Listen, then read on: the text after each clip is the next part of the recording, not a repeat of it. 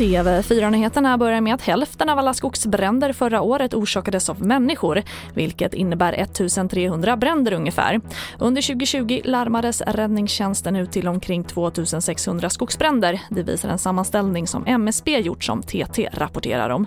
Och bränderna kan exempelvis ha berott på att man inte har släckt en brand ordentligt efter sig eller att man eldat på en plats nära torr vegetation. Och fler badplatser i Sverige har registrerats som EU-bad vilket innebär att badvattnet regelbundet kontrolleras av kommunen, det skriver Havs och vattenmyndigheten.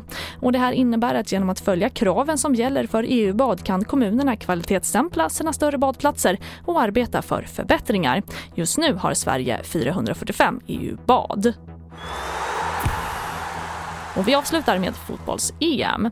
Med två dagar kvar till den svenska premiärmatchen mot Spanien är Sverige drabbad av dubbla skadesmällar. Mittfältaren Albin Ekdal åkte på en smäll tidigare i veckan och tränade individuellt under dagens träning som en försiktighetsåtgärd.